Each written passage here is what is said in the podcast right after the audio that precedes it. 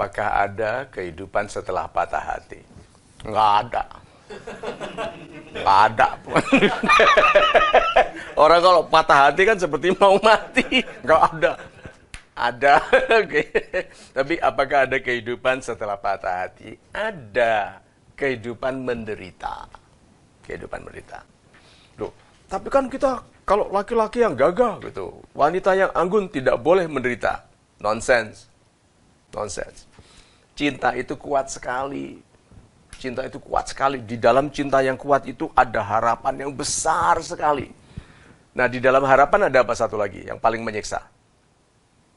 Gambar. Kita itu berharap berdua bersama dia, itu ada gambar. Gambar masa depan ada rumah, gitu kan?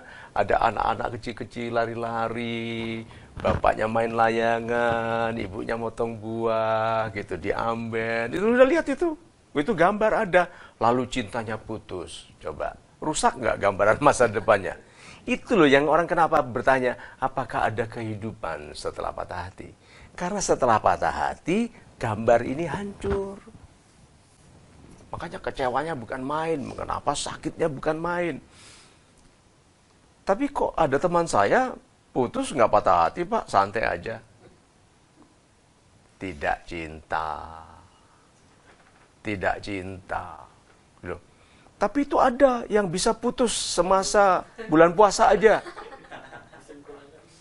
Itu musiman. Musim kolang kaling, musim rambutan putus sesuai dengan kesibukannya.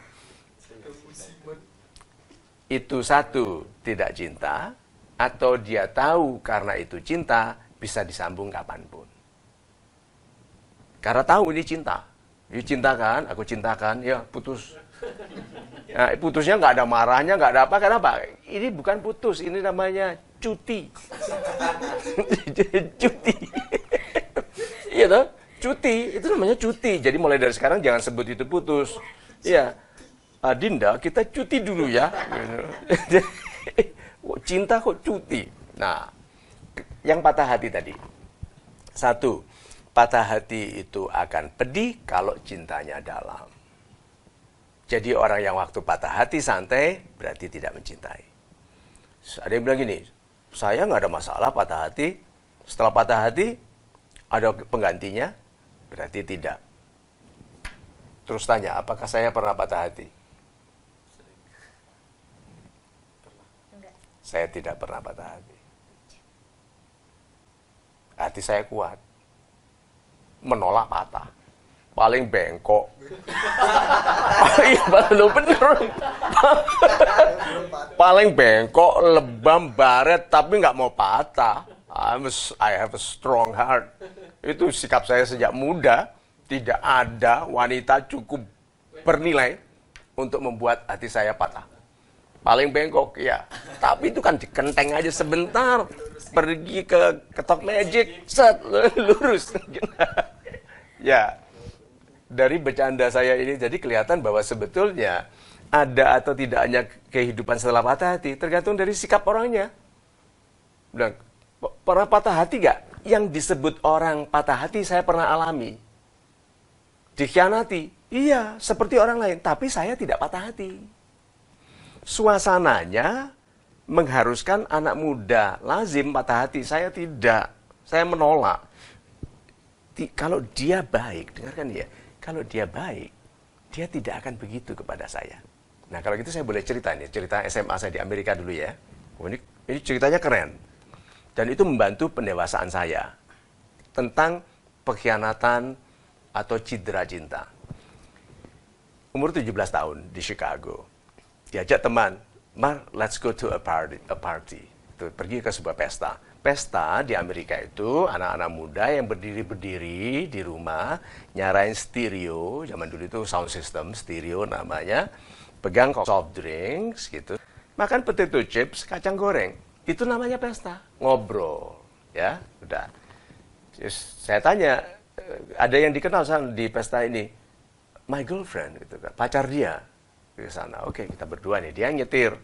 Kan mobil Amerika sebelah kiri, saya duduk sebelah kanan. Nyetir sampai di sana, bicara-bicara sebentar. Kan memang rencananya mau jemput pacarnya. Digandeng nih, tangan kanan. Saya di sebelah kiri dia nih, gandeng, turun tangga. Jadi rumah kelas menengah itu. Jadi bukan yang grand, yang halamannya luas, bukan ini yang yang halaman rumput sedikit, terus jalanan ber apa namanya pasir, pasir agak kasar, mobilnya parkir di situ, turun dari tangga, agak turun mendadak begitu, tangannya tertahan. Saya juga melihat kenapa dia berhenti.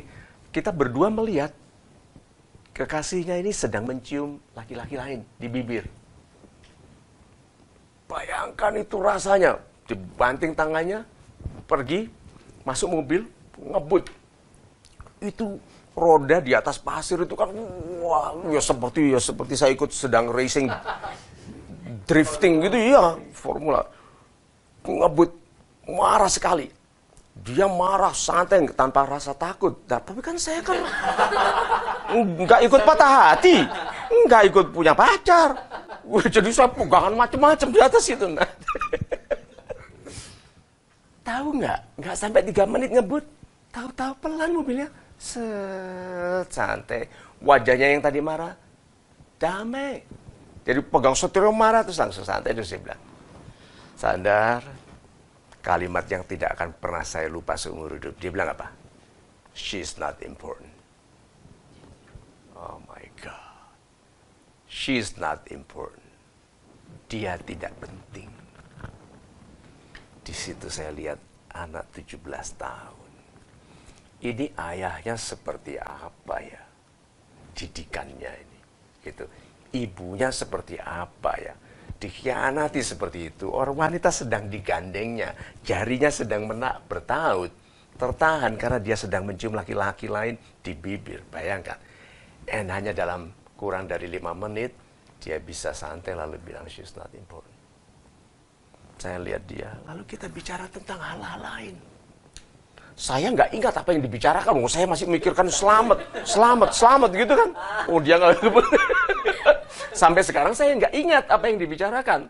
Karena stresnya, cari pegangan macam-macam. Mobil zaman dulu nggak ada seat beltnya, semuanya licin dipegang. Nih. Tapi kalimat indahnya itu loh, she is not important. Jadi orang patah hati atau tidak itu betul-betul sikapnya, Kenapa kalau tadi ditanya, apakah Pak Mario pernah patah hati? Tidak, karena saya juga belajar dari keadaan itu. Jadi ada wanita yang mengkhianati saya seperti apa pun, seburuk apa pun, kesimpulan, memang marah sebagai laki-laki. Tapi setelah beberapa saat, she's not important. Kalau dia demikian jeleknya, tidak penting kan bagi hidup saya? Tuh. Nah, jadi apakah ada kehidupan setelah patah hati justru lebih indah kehidupan setelah patah hati? Karena kita diselamatkan dari orang tidak baik. Bayangkan kalau teman saya itu masih meneruskan hubungan, memaafkan, mendengarkan kenapa wanita tadi itu begitu. Kan nanti bilang, habis aku nggak diperhatikan, habis kamu, habis kamu, habis kamu, gitu kan? Udah gitu, udah gitu. Udah, coba. Master of alasan. Nah, kan nasihatnya, jangan berusaha mengerti peselingkuh. Karena peselingkuh dalam menjelaskan dia tidak salah, membuat Anda merasa bersalah sebagai sebab dari selingkuhnya. Kesimpulannya, ada kehidupan yang indah setelah patah hati. Jangan kecil hati, kalau dia baik, dia penting bagi Anda. Kalau dia pergi, dia tidak tahu yang rugi siapa. Itu.